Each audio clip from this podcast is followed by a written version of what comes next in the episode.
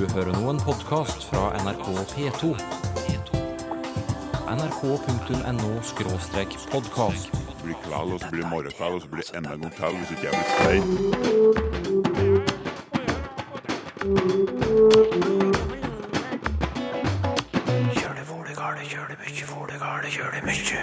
Kan et språkeksperiment faktisk bidra til å berge liv? Ja, det er klart. eh, Dette her er viktige spørsmål. I mange nødsamtaler så er det jo dette rett og slett bokstavelig talt et spørsmål om liv og død. Og eh, hva har vi egentlig imot kråka? Det er kanskje noe litt generelt negativt knyttet til kråka, da. Det er ikke alle som syns hun er like fin. Og låta er jo ganske stygg, kanskje. Vel møtt til Språkteigen. Språk kan redde liv i nødsituasjoner.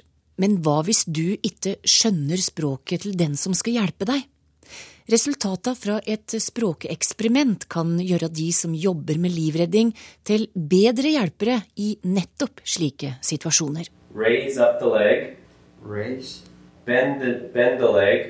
Vi er midt i et eksperiment. Now carefully roll the doll towards you. I et simulert nødanrop skal en med engelsk som morsmål forklare en som ikke prater like godt engelsk, hvordan han skal legge kameraten sin i stabilt sideleie. En situasjon som godt kan oppstå i virkeligheten. Ja, det er klart. eh, Dette her er viktige spørsmål i mange sammenhenger, og man kan ikke minst tenke seg reelle nødsamtaler. Så er det jo dette rett og slett bokstavelig talt et spørsmål om liv og død, og eh, det er jo flere og flere da eh, i Norges befolkning som ikke snakker norsk som morsmål, og da blir det jo veldig viktig at de som sitter i den andre enden, kan forklare på en enkel måte hva, hva som må gjøres. So is the one arm, is he resting on his one arm and then the other arm's like over on the ground? Eh, no, Jan Svennevik er professor i nordisk språkvitenskap ved Universitetet i Oslo. Han har i mange år forska på forståelse i samtaler, særlig mellom morsmålsbrukere og andrespråksbrukere. Han har erfart hvilke teknikker som kan hjelpe på forståelsen, men i dette eksperimentet, som han gjorde sammen med canadiske Jennifer Gerving, lærte han likevel noe helt nytt. For det at i en naturlig samtale, som det er det jeg vanligvis forsker på, så ser du, kan du ha en følelse av at folk, noen er veldig flinke til å tilpasse språket sitt, og at de samtalene går bedre, og andre er ikke så flinke. Men du kan på en måte ikke måle det, for to samtaler kan ikke sammenlignes de er, eh, når de er så forskjellige. Men her har vi nettopp muligheten til å sammenligne en rekke samtaler har, hvor det er samme instruksjon som skal gjennomføres. Det er det samme, så det er, det er såpass likt at man faktisk kan sammenligne samtalene, og da kan man også måle dette her. Og vi skal komme tilbake til tala. Men først litt mer om eksperimentet. 17 personer med engelsk som morsmål skulle spille rollen som operatør på en nødsentral. 17 personer med engelsk som andrespråk skulle spille rollen som innringer. Instruksjonen var at innringeren hadde en venn som hadde besvimt, og ei dokke fikk rollen som den besvimte vennen. Og operatøren skulle veilede denne innringeren i hvordan han skulle legge pasienten i stabilt sideleie. Og fikk eh, da instruksjoner om hvordan dette skulle forklares eh, for innringeren. Eh, og de fikk ikke beskjed om så mye annet enn at de skulle forsikre seg om at innringeren forsto nøyaktig hva de skulle gjøre med dukken. At dette kunne være et spørsmål om liv og død, så det var viktig å forklare dette grundig og få det riktig. Og så satte vi i gang og videofilmet hele denne eh, seansen, sånn at vi kunne også se hva innringeren faktisk gjorde med denne dukka. Og det gikk ikke bare bra med den. Det var nok noen som hadde uh, hatt problemer, ja. For det er noen uh, samtalepar Noen par brukte veldig lang tid og hadde veldig store problemer. Uh, he's resting in the. Uh, how can I say? The straight arm. No Men flere av operatørene gjorde det de fleste av oss gjør ubevisst i møte med noen som ikke behersker språket vårt fullgodt. De prøvde å forenkle. Da så Svennevik og Gerving at det var særlig tre teknikker som fungerte. Eh, Og det vi har sett at folk gjør, eh, er delvis å bruke enklere ord, unngå veldig tekniske eller eh, lavfrekvente ord. Så det er én ting, veldig opplagt. Eh, en annen ting er å dele opp ytringer i kortere biter.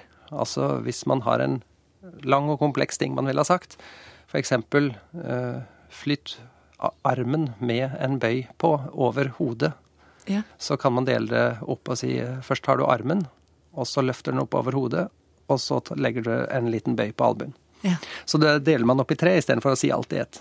Eh, Det hjelper godt. Og den siste er å reformulere og si ting på mange måter. Si det eh, først én gang, og så si det på en annen måte etterpå. So you put one hand Okay. on the doll's shoulder Okay. and the other hand on the bent knee. Og da så vi jo veldig fort det, at eh, de som omformulerte mye, de som brukte mange av disse forståelsesstrategiene, de hadde mindre tilfeller av misforståelse og av folk som da sa fra at ikke, nå skjønte de ikke noe. No, is is the doll facing you? Yes, yes, yes, actually. Okay, okay. Uh-huh. It's called the recovery position. Og så var det tala, da. For første gang har altså Jan Svennevik kunnet måle hvor effektive disse teknikka med forenkling er. Ja, i de samtalene vi så på her, så var det sånn at de operatørene som ikke brukte en eneste av disse strategiene, der ble det manglende forståelse i 100% av tilfellene. Der gikk det feil hver gang. Ehm, og så var det da de som brukte én strategi. Eh, der hadde vi eh, en forståelsesprosent på ca. 20. Hvis man brukte to strategier, så var man oppe på 40, og brukte man tre eller mer, så var man oppe i 60% forståelse. Så da har du en, eh, fortsatt ikke en, noen garanti for å bli forstått. Det er fortsatt mye som kan gå galt, men uh, iallfall muligheten for at eh, dette går bra, er veldig mye større. Så hva er det dere trekker ut av dette her, da? Du, vi ser jo det at for det første at vi har eh, da ressursene i oss til å eh, snakke enklere og til å gjøre oss bedre forstått. Eh, Men vi ser jo også veldig at det er veldig stor variasjon. Noen bruker det mye, noen bruker det lite. I noen av disse samtalene så går det riktig galt, fordi noen bare mer eller mindre leser opp tunge, vanskelige setninger, eh, eller gjør ikke noe særlig innsats for å bli bedre forstått, og da går det ikke særlig bra. Så du kan si vårt eh, Vårt budskap blir jo at vi vet hvordan vi skal forenkle det, og vi må bare tenke på å bruke det og være bevisste på det. Og, og også tenke at jo mer vi bruker av det, jo, mer, eh, jo større er sjansen for at vi blir forstått. Men hva vil dere bruke dette resultatet til, da? Vi eh, ønsker jo å formidle resultatene våre til folk som jobber i eh, ulike situasjoner. Man kan tenke seg i helsevesenet eller andre steder hvor man må da kommunisere med folk som ikke snakker fullgodt norsk. Og, og bevisstgjøre folk på hvordan man kan da bruke disse strategiene, og bruke dem bevisst, og bruke dem også Tilpasse dem til det man oppfatter som eh, samtalepartnerens eh, språklige kompetanse. Det sa professor i nordisk språkvitenskap Jan Svennevik. Få blod på mølla Eller det han egentlig sa var Å holde tunga i rett munn. å skille kvinten fra hveten, Å bite i det sure gresset. Over grøten etter vann. hummer og kanel. For noen uker siden hadde vi faste uttrykk som tema her i Språkteigen, og hvordan vi ofte roter oss helt bort i dem. Et rot som både fører til irritasjon og humring. En fascinerende del av språket som det kan være artig å lære mer om, tenkte vi, og har derfor lagd en liten serie. Det er lingvist Georg Kjøll som skal lose oss gjennom serien. Og du, Georg, du har de siste ti åra notert flittig og humra og glist mye hver gang noen har kommet feil ut. Ja, så Det er jo vanskelig å unngå når man i årevis har hatt et prosjekt gående med å samle inn eh, morsomme varianter av, eh, av faste uttrykk. Eh, så ja, nei, jeg har, jeg har fått, fått høre ved et par anledninger at jeg burde, burde ta meg sammen og ikke, ikke henge, henge meg så mye opp i detaljer. Du har plukka ut 15 uttrykk til serien, og hvorfor har du plukka ut akkurat de? Det er på bakgrunn av eh, hvor mange som jeg opplever gjør disse feilene, eller altså gjør disse kreative variantene, som man også kan kalle det. For det, det hender jo at disse uttrykkene også forandrer seg litt over tid og, og får litt nye former og sånne ting. Og det er ikke så godt å si eh, alltid hva som er riktig og feil variant. Og eh, når jeg har pratet med folk om disse, disse uttrykkene, så eh, så er det gjerne de, eh, de uttrykkene som eh, folk flest sier at de syns er vanskelig å huske, eller eh, har eh, minst oversikt over hva egentlig, eh, hva egentlig har som betydning, eller har en tendens til å rote sammen med, med andre uttrykk som har vært, eh, som har vært grunnlaget for, eh, for utvalget. Så jeg prøvde å få med litt, eh, litt forskjellige varianter. Eh, Noen uttrykk som kanskje ikke er eh, så kjente, mens andre uttrykk eh, har mange hørt, men ikke helt vet hva betyr. Og før vi setter i gang serien, kan du si litt om hvorfor dette er så vanskelig for oss? Det er egentlig to hovedkilder til, til sammenblanding og rot med faste uttrykk. Den ene går på formen til uttrykkene, og det andre går på innholdet i uttrykket, altså meningen i de. Eh, Og hva gjelder formen til uttrykkene, så eh, er det igjen to måter å rote til det på. Du kan enten eh, blande lyder, sånn at du kan ta uttrykket 'skyte spurv med kanoner', som innebærer å bruke altfor sterk skyts for noe som egentlig ikke trenger så, så voldsomme virkemidler. Men en bitte liten forskyving av én lyd ender med at du får 'skyte spurv med kaniner' isteden. Eh, Litt senere skal vi også snakke om eh, tonefall, eller tonegang, da, hva det har å si for meningen i uttrykk. Og da kan du få to varianter av f.eks. det å legge lista høyt, som eh, legge lista høyt. Så har du subtile forskjeller i endelser, eh, så hvilket, hvilket grammatisk kjønn et ord tilhører, kan føre til at faste uttrykk blir helt endrede. Så du kan ha drite på draget, eh, men du kan også ha drite på dragen. Samtidig så har du også preposisjoner som er vanskelige, så du kan eh, ha uttrykket 'ikke la seg pille på nesen', som er eh, et etablert uttrykk for å ikke, ikke la noen yppe med deg, eller ikke la, la noen lage bråk, som isteden kan bli noe litt mer uhygienisk i eh, 'ikke la seg pille i nesen'. Eller du kan bytte om på rekkefølgen i eh, ord og ende opp med å selge bjørnen før skinnet er skutt, heller enn omvendt. Og samtidig så har du også rikelig med anledning til å blande sammen innhold i uttrykk. Så, og det mest vanlige der er jo å ta ord som ligner litt eh, i mening, eller er tett assosiert til, eh, til et gitt uttrykk, og så putte det inn et sted hvor det ikke hører hjemme. Da. Så du kan, du kan ha vann på mølla eh, og blod på tann, men da kan du fort ende opp med å få blod på mølla isteden. Så her er det mange, her er det mange muligheter til å, til å rote det til. Men da setter vi rett og slett i gang. Holde tunga rett i munnen. Ja, Det er et av disse uttrykkene som tar utgangspunkt i kroppen. De aller fleste av oss har, har en tunge og er vant til å oppleve at den kanskje ikke alltid gjør sånn som vi vil når vi, når vi prater. At eh, vi eh, sier ord litt feil, f.eks. et fast uttrykk kan vi bomme med. Eller vi kan eh, si noe vi ikke hadde helt tenkt å si, og, og sånn sett avsløre oss i en situasjon. Og det å ha kontroll på tungen sin blir da en viktig egenskap når man skal snakke. Så et metafor, metafor på, for det blir å, å holde, holde tungen rett og ha, ha kontroll på den. Så dette er kanskje et av de uttrykka som faktisk skulle gå an å forstå, ut ifra hva som ligger i sjølve ordet? Ja, Hvis vi snakker om, om eh, uttrykk som mer eller mindre gjennomsiktige, så er dette ganske, ganske gjennomsiktig.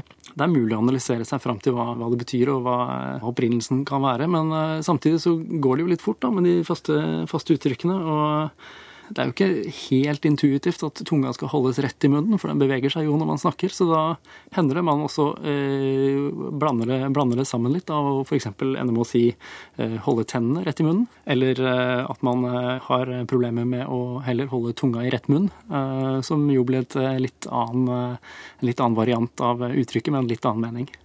Og så kan det være at man danner seg noen bilder av hva det egentlig er som foregår. Og da er det jo eh, ikke helt utenkelig at noen også kan ha problemer med å holde tennene rett i munnen, f.eks. Hvis, de har, eh, hvis de har gebiss. Eh, Så, så det, kan være, det kan være opphavet til at enkelte misforstår dette uttrykket. Hummer og kanari.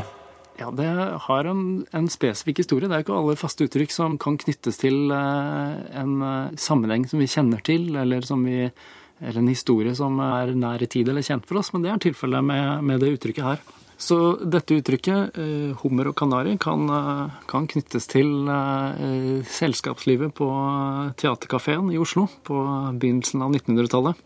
Og da oppsto uttrykket som en måte å snakke om noe som var en litt sånn ukritisk blanding av likt og ulikt.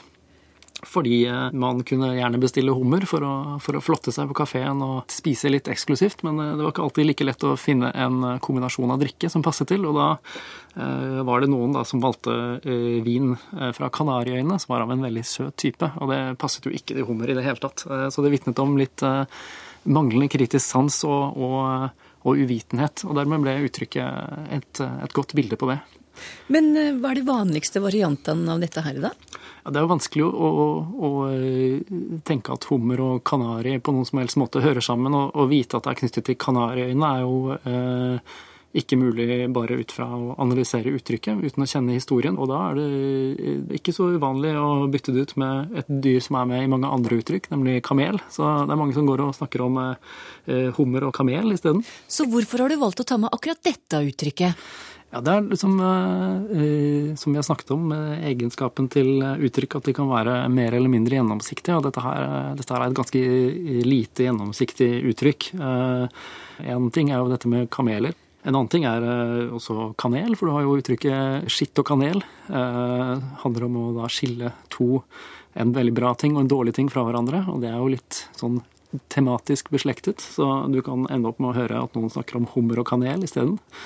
Og hummer er ikke en helt vanlig ingrediens for alle heller, så eh, det har også, eh, også vært borti varianten eh, hunger og kanari. Da. da kan man jo skylde litt på at folk kanskje er litt sultne, eller tenker på, tenker på mat når de, når de bruker, bruker, uttrykket, og tenker at det er, det er, det er det det handler om. Det er ikke, det er ikke Teaterkafeen på 1920-tallet. Lingvist Georg Kjøll er tilbake med nye uttrykk neste uke.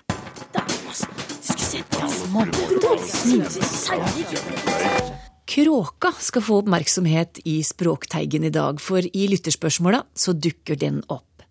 Det er Solveig Oskar Kleven fra Rørvik som undres over at det er så mange ord som knytter seg til kråka, noe hun mener gjelder særlig i Trøndelag der hun bor. Hun nevner ord som kråketær, kråkefot, kråkeskrift osv. osv. Er det noen forklaring på hvorfor kråka er så utsatt for slike betegnelser, spør hun.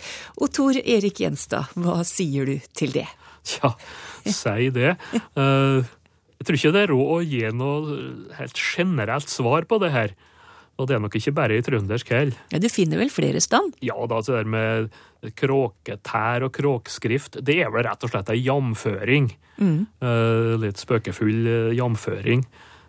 Men det er kanskje noe litt generelt negativt knyttet til kråka, da. Eh, det er ikke alle som syns hun er like fin. Og låta er jo ganske stygg, kanskje. Eh, og selve ordet kråke, eh, sammen, usammensett, det blir jo bruka om mange ting. Hvis det bare er til slik som jeg har fra mitt eget målføre, så kråka, det var brøskputa punnet hoven på en hest, det var kalla kråka. Eh, store sidetrea i en vevstol, det var kråkene. Og så kråka kunne jo være den øverste, altså trikanta stokken i toppen på en gavlvegg. Det var òg kalla kråka. Og det er mye annet. Eh, så, så, det er mye som ligger, kan ligge til grunn her. Eh, kråkting, da ja. Det er jo helt konkret om en kråkflokk som er samla. Ja. Så det er jo ja, litt sånn tilfeldig ansamling med folk. Det blir jo sagt, altså Hold dere kråkting? Hvis det kommer en utafra. Kråksølv er jo klart nedsettende. Kråkerud i fisk, som er nevnt her, det, altså det er jo den svarte hinna i, i, i buken. Så det, det, er, det er ikke bare Trøndelag, det går opp i Nord-Norge. Og det blir jo fjerna på kleppfisk. Men der er det nok farger. Og, og kråkfot mm. Å sette kråkfot, mm. det er kanskje omdanna av krokfot. Altså beinkrok. Det er jo det det betyr å ta kråkfot. Og så har du jo det å stupe kråke, da. Ja stup Haukråk, som de sier på mine kanter.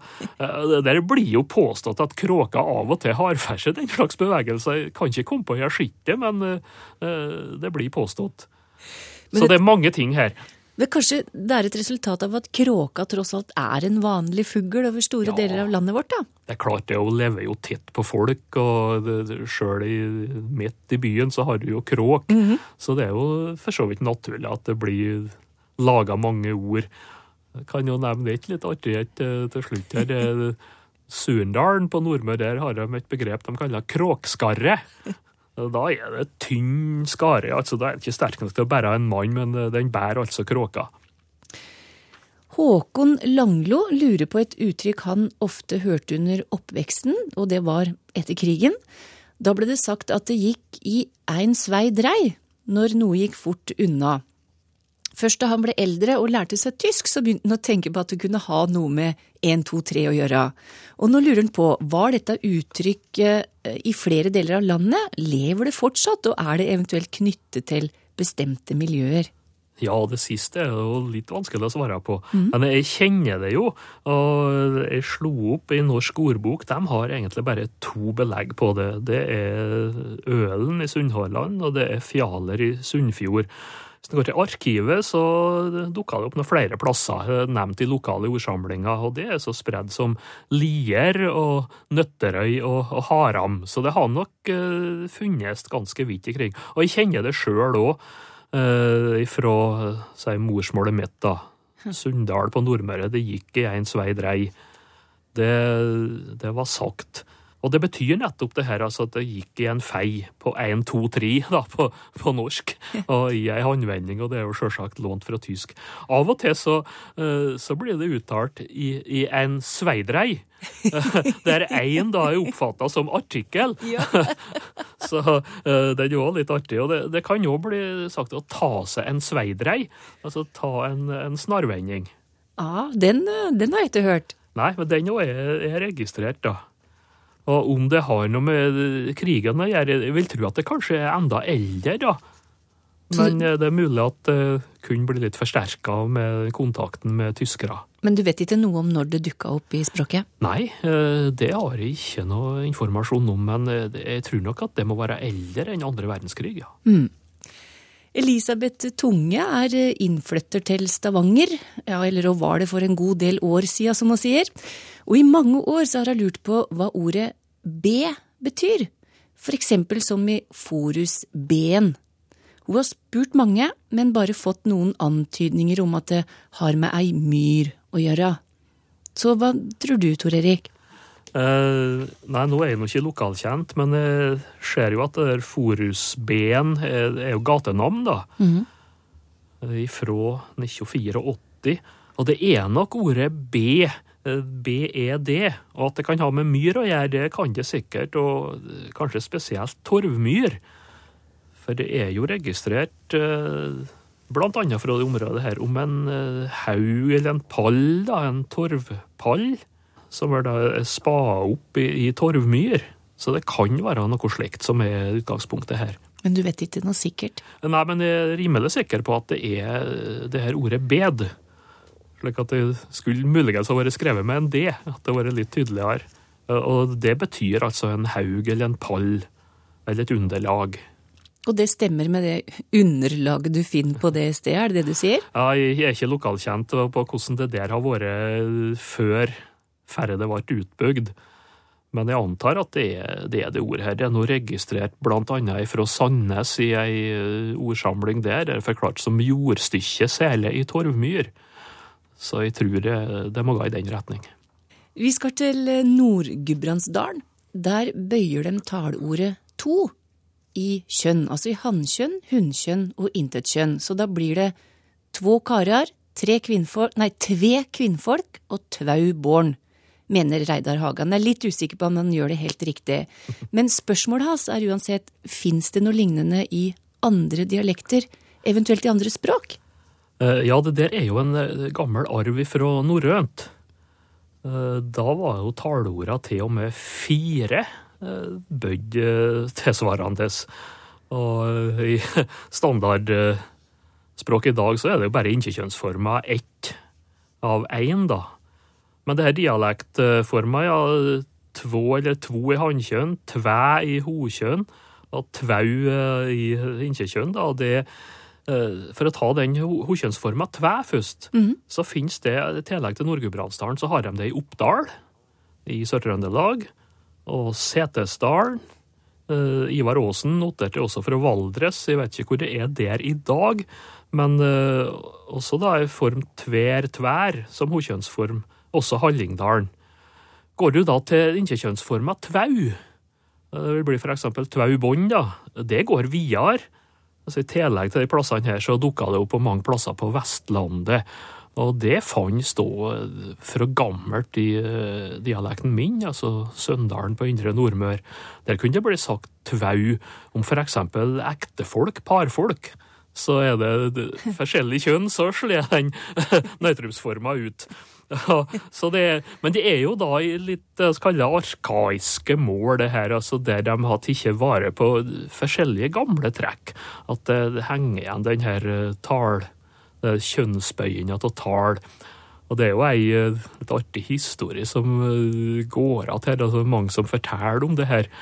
Eh, Det kan gå ut på f.eks. at det kommer en gjeng og skal leie seg inn på ei eh, hotell- eller turisthytte, og det er ungdommer, det er forskjellige kjønn, og så sier da vertinna at de kan få ligge tvo og tvo og tve og tve, men ikke tvau og tvau. Men er det, er det bare tar, tar det to? Uh, ja, i uh, dagens norsk så er det nok uh, bare tallet to, ja. Det er vel noen rester som er registrert ved, ved tre. Men i hovedsak så er det to, ja. Vet du om dette her fortsatt fins og brukes i eh, dialekten? Det blir nå iallfall herma og sitert, og den eldre generasjonen vil jeg nok tro har det ganske bra eh, i blodet, ja. Øyvind Jevnaker lurer på ord fra Indre Sogn, nemlig ordet fetangen. Det ble tidligere brukt om noe som lukta ille. For eksempel kom du rett fra fjøset, så kunne du lukte litt, og da kunne noen kjenne fetangen etter deg. Hva kommer det av, spør han, og er det kjent andre steder? Ja, det der fetang, det er et litt eh, spesielt ord. Eh, For det, det er som en eh, sier innsenderen her, at fet er avtrykket til fot eller føtter. Og det er jo registrert slik i Norsk ordbok, nettopp ifra Indre Sogn. Fetang eller føtang. Så det der med lukta, det tror jeg må være ei overføring for den opprinnelige betydninga av fetang. Det ser ut for å være eh, merke etter fot. Og det henger sammen med, med fet, et ord fet som betyr labb eller fot, og skinn av fot og legg på dyr. Så det her fetang, altså om eh, spor, merke, det er avleda, det er nok til fet med et eh, suffiks ang, som vi har for eksempel i farang. Ja. Og vi har et litt mindre kjent ord havang, som vi bruker særlig i nekting, at det, det, det er ikke noe havang-tid, det heter på gammel trøndersk. Ik- Ikke nytte gang, det var ikke noe å ha. Så jeg tror den der betydninga lukt må være sekundær med tilkobling til det her angelukt. Tror det må være det som er sammenhengen, men jeg kan for all del ta feil. Det er iallfall bare fetangen att etter oss nå, Tor Erik. Tida vår er ute. Takk for følget.